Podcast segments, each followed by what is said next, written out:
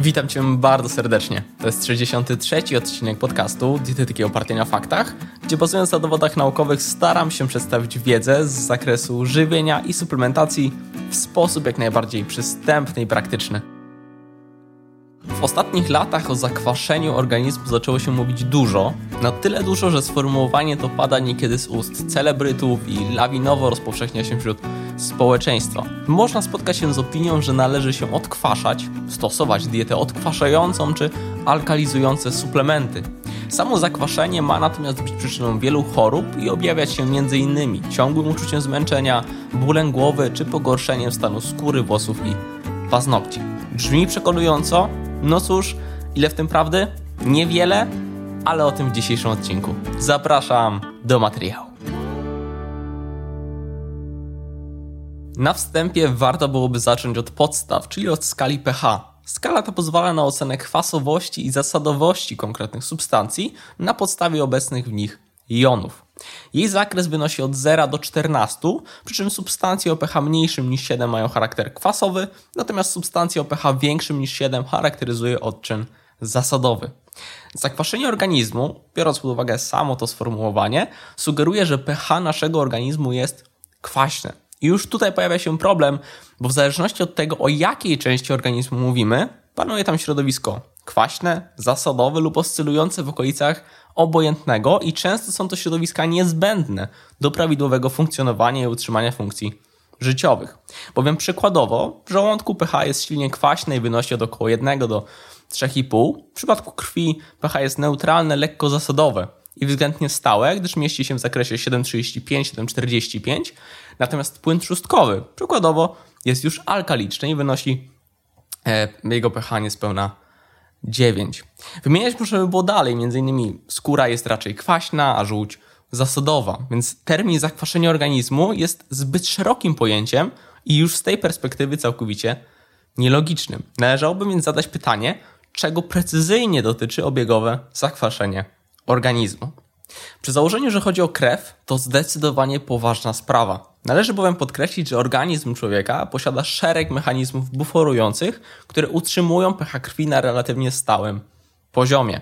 Taki stan rzeczy ma swoje proste wytłumaczenie. Po prostu życie człowieka wymaga ściśle kontrolowanego poziomu pH krwi do utrzymania funkcji życiowych. Spadek pH krwi poniżej progu 7,35 jest stanem chorobowym nazywanym kwasicą, który zagraża życiu i wymaga leczenia szpitalnego.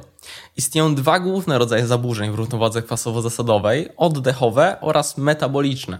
Kwasica oddechowa może powstawać w konsekwencji zaburzania wydalania dwutlenku węgla przez płuca, czego przyczyną mogą być m.in. choroby płuc. Kwasica metaboliczna natomiast może pojawiać się m.in. przy cukrzycy, niedotlenieniu organizmu czy chorobach nerek. Dotyczy to więc praktycznie wyłącznie poważnych stanów zdrowotnych. U zdrowych osób bezpośredni wpływ diety na pH krwi jest bardzo, naprawdę bardzo mocno ograniczony. I pomijam tutaj taki pośredni, długoterminowy wpływ na funkcjonowanie narządów czy ryzyko cukrzycy. Mówię tutaj o takim wpływie bezpośrednim, ponieważ to jest kwestia regulowana wewnętrznie przez szereg mechanizmów. Więc jeśli nie krew, to może mocz.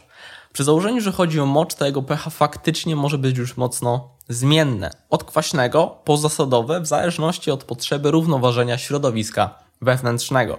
Tutaj dietą można zdziałać już całkiem sporo i w zależności od rodzaju spożywanych pokarmów wpływać na stopień kwasowości moczu. Tego typu fluktuacje, notowane nawet w krótkim okresie, są jednak w zupełności normalne, a tłumaczenie ich zakwaszeniem organizmu jest po prostu nienaukowe.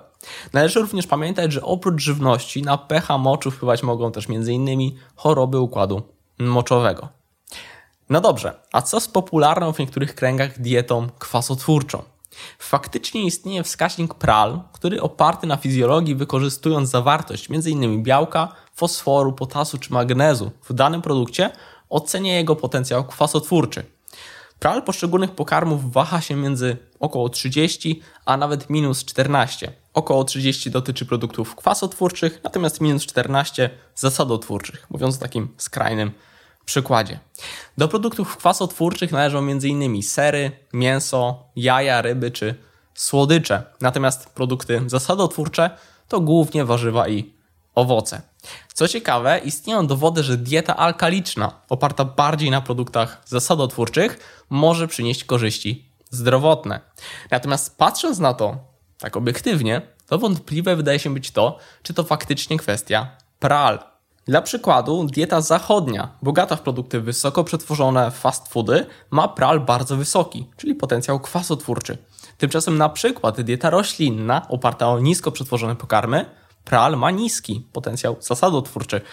Czy to pral odpowiada za to, że pierwsza i druga dieta gorzej lub lepiej wpływają na zdrowie? No, z tej perspektywy to nieco iluzoryczne. Łatwo w końcu zauważyć, że produkty zasadotwórcze, niezależnie od wskaźnika pral, mogą pozytywnie wpływać na zdrowie. Warzywa i owoce charakteryzują się wysoką zawartością witamin, składników mineralnych, błonnika, antyoksydantów i innych związków o właściwościach prozdrowotnych. Zdrowa dieta zwyczajnie ma ich sporo. Warto również zwrócić uwagę, że istnieją produkty pozytywnie wpływające na zdrowie, m.in. strączki, orzechy, produkty pełnoziarniste, które mają charakter kwasotwórczy. To tylko utwierdza, że pral to niekoniecznie najważniejszy parametr, który powinien oceniać żywność pod kątem wpływu na zdrowie. Warzywa jeść warto, fast foodów nieszczególnie, lecz nie jest to kwestia ich potencjału kwasotwórczego. Dochodząc do swego rodzaju podsumowania, ujmę to tak. Zakwaszeniem organizmu nie ma co sobie zaprzątać głowy. To sformułowanie po prostu błędne i nie należy go mylić z kwasicą, czyli stanem, który bezpośrednio zagraża życiu. Chcąc natomiast się zdrowo odżywiać, nie traktowałbym potencjału kwasotwórczego produktów spożywczych jako jedynego ani najważniejszego kryterium wyboru. Mam nadzieję, że ten odcinek okazał się wartościowy.